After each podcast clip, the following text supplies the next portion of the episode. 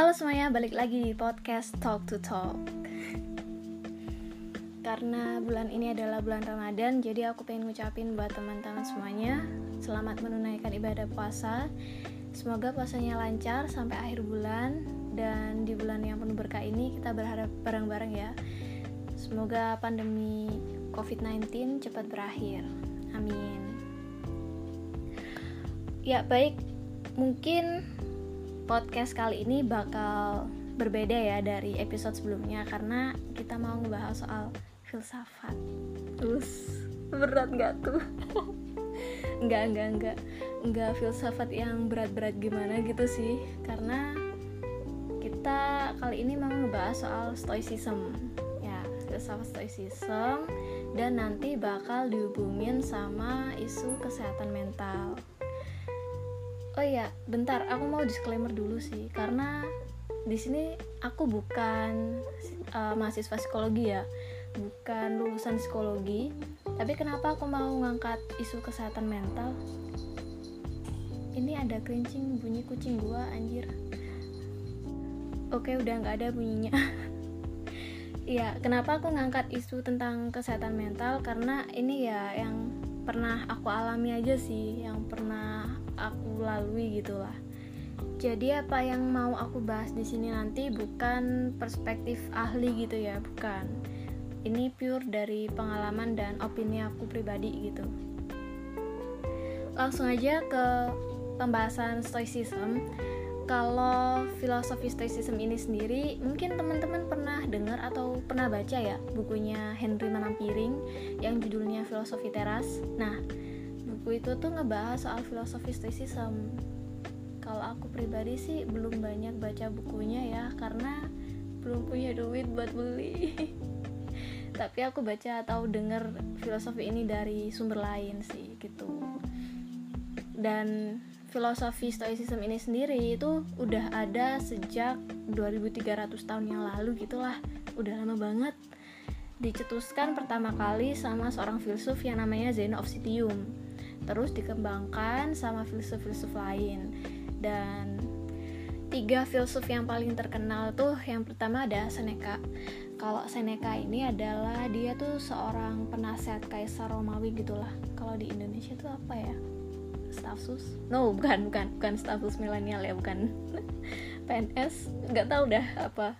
Pokoknya penasehat kaisar Romawi gitu Terus yang kedua ada Marcus Aurelius. Kalau Marcus Aurelius ini dia adalah seorang kaisar Romawi dan dia juga terkenal sebagai salah satu kaisar Romawi yang paling baik hati.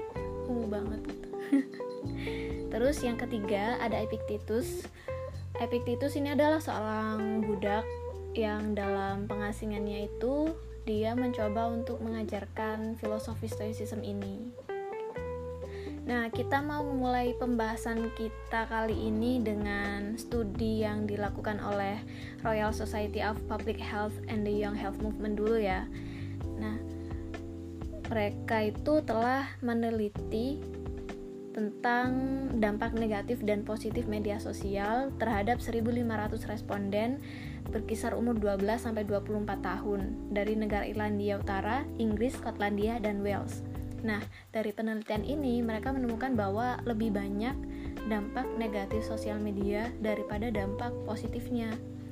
Dan ironisnya, dampak negatif ini secara general lebih mengarah kepada penurunan kesehatan mental.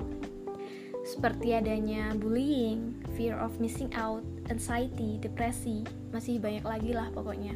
Dan secara umum juga si penelitian ini tuh menunjukkan bahwa pengguna sosial media sering kali menggambarkan sesuatu atau hal-hal yang tidak realistis.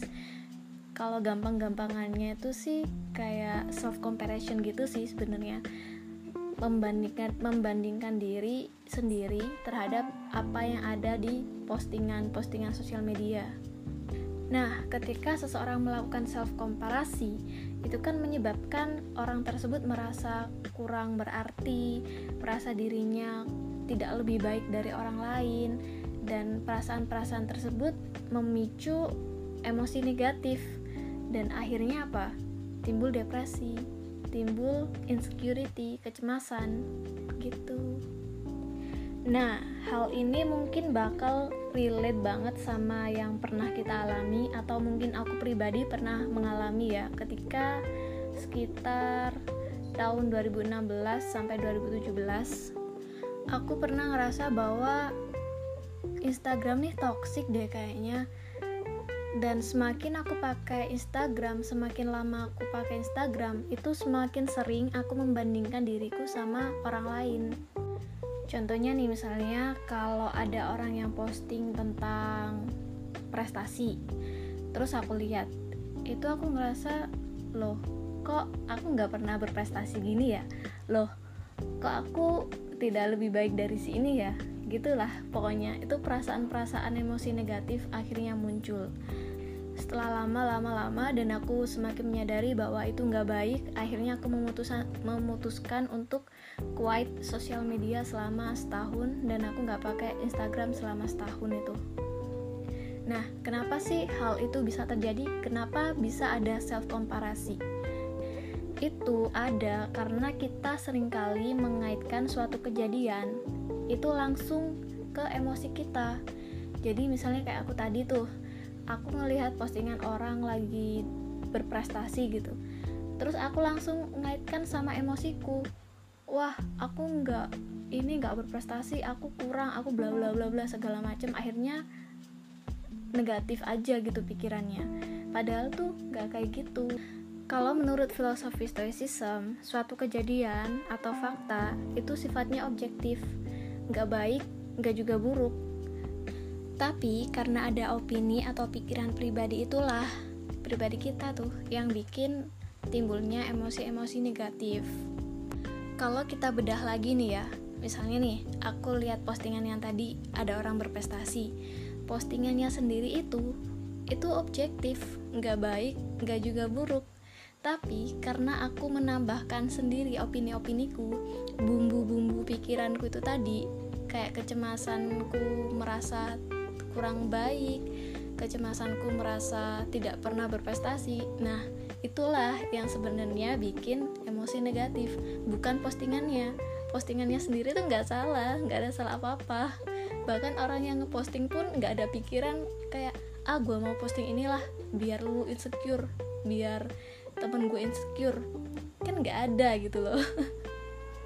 gak ada orang yang mau posting kayak gitu. Cuma pikiran kita aja tuh yang ngebuat hal-hal itu ngegoreng-goreng hal itu dan akhirnya itu tadi muncul emosi negatif.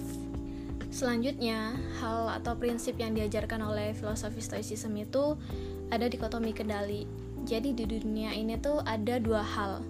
Yang pertama hal yang bisa kita kontrol dan yang kedua yang tidak bisa kita kontrol. Kalau yang bisa kita kontrol itu contohnya kayak pikiran kita opini kita ucapan kita. Nah di luar itu masuk ke dalam hal-hal yang nggak bisa kita kontrol. Kayak contohnya kondisi keuangan kita kondisi cuaca hari ini kondisi hati kita perlakuan doi ke kita. Oh my god apa sih? Itu nggak bisa kita kontrol gitu Nah, balik lagi ke permasalahan awal.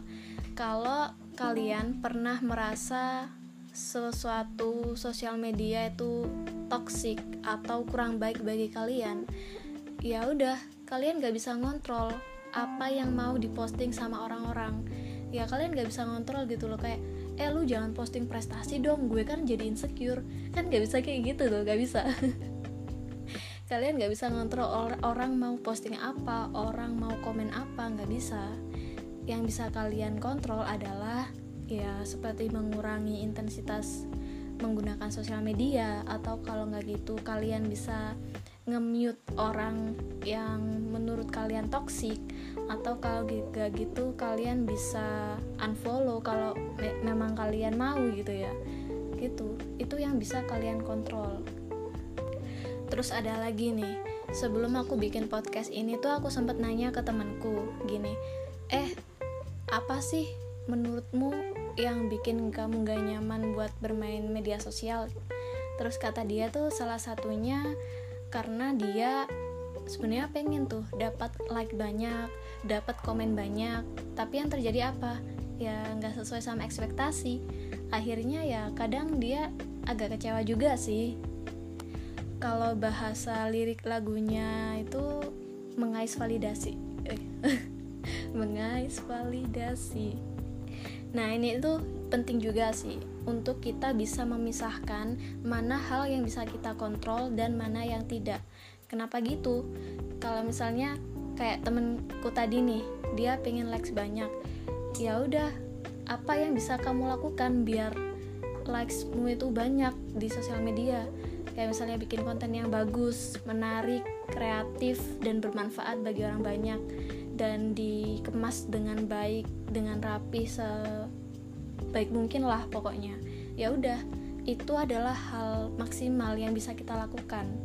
Kalau kita udah mencet tombol posting nih udah di post thread nah udah kesebar semua kan sejak itulah kita udah gak punya kontrol atau kendali atas apa yang terjadi di postingan itu. Mau nanti jumlah like-nya dikit jumlah komennya dikit atau apalah itu udah nggak bisa kita kendalikan. Jadi ya udah kita sudah berusaha semaksimal mungkin buat menampilkan postingan yang bagus konten yang bagus tapi kalau hasilnya nggak sesuai ekspektasi ya udah itu nggak bisa kita kontrol gitu loh. Kenapa begitu ya karena kalau menurut filosofi ini kalian kalau bahagia tuh bukan yang sifatnya foya-foya terus bukan ketawa cekikikan hahihi bukan yang kayak gitu. Bahagia tuh ya sekedar kamu nggak ada emosi negatif. Udah dan kalau kalian mau bahagia, jangan pernah ngegantungin kebahagiaan kalian kepada hal-hal yang tidak bisa kalian kontrol. Gantungkanlah kebahagiaanmu hanya kepada hal-hal yang bisa kalian kontrol. Nah, berarti intinya apa? Intinya, challenge your thought. Coba tantang pikiranmu. Tantang pikiranmu untuk hanya memikirkan hal-hal yang bisa kamu kontrol. Karena di luar itu ya udah itu nggak bisa nggak bisa kalian jadi patokan gitu loh jadikan patokan untuk kebahagiaan kalian. Kira-kira gitu. Sebenarnya banyak sih poin-poin atau prinsip-prinsip yang diajarkan oleh filosofi stoicism ini dan gak cuma kita pakai ketika sosial bersosial media aja sih. Kalau misalnya kita terapkan di kehidupan sehari-hari itu pun bisa bisa banget gitu hanya saja beberapa prinsip yang udah kita bahas tadi itu ya prinsip yang mungkin sekiranya bisa membantu kita untuk menjaga kesehatan mental dalam menggunakan media sosial. Nah, yang terakhir, ini ada quotes menarik dari Marcus Aurelius, yaitu It is not things that disturb us, but our opinion of them. Jadi, bukan hal-hal yang menghancurkan kita, tapi sebenarnya opini kita sendiri, pikiran kita sendiri yang menghancurkan kebahagiaan atau hal-hal tersebut gitu. Baik mungkin sekian podcast kali ini. Semoga kita bisa belajar bareng-bareng dan semoga pembahasan ini bermanfaat. Sampai ketemu di podcast selanjutnya oh ya terima kasih juga buat support yang diberikan oleh teman-teman semua. Sampai jumpa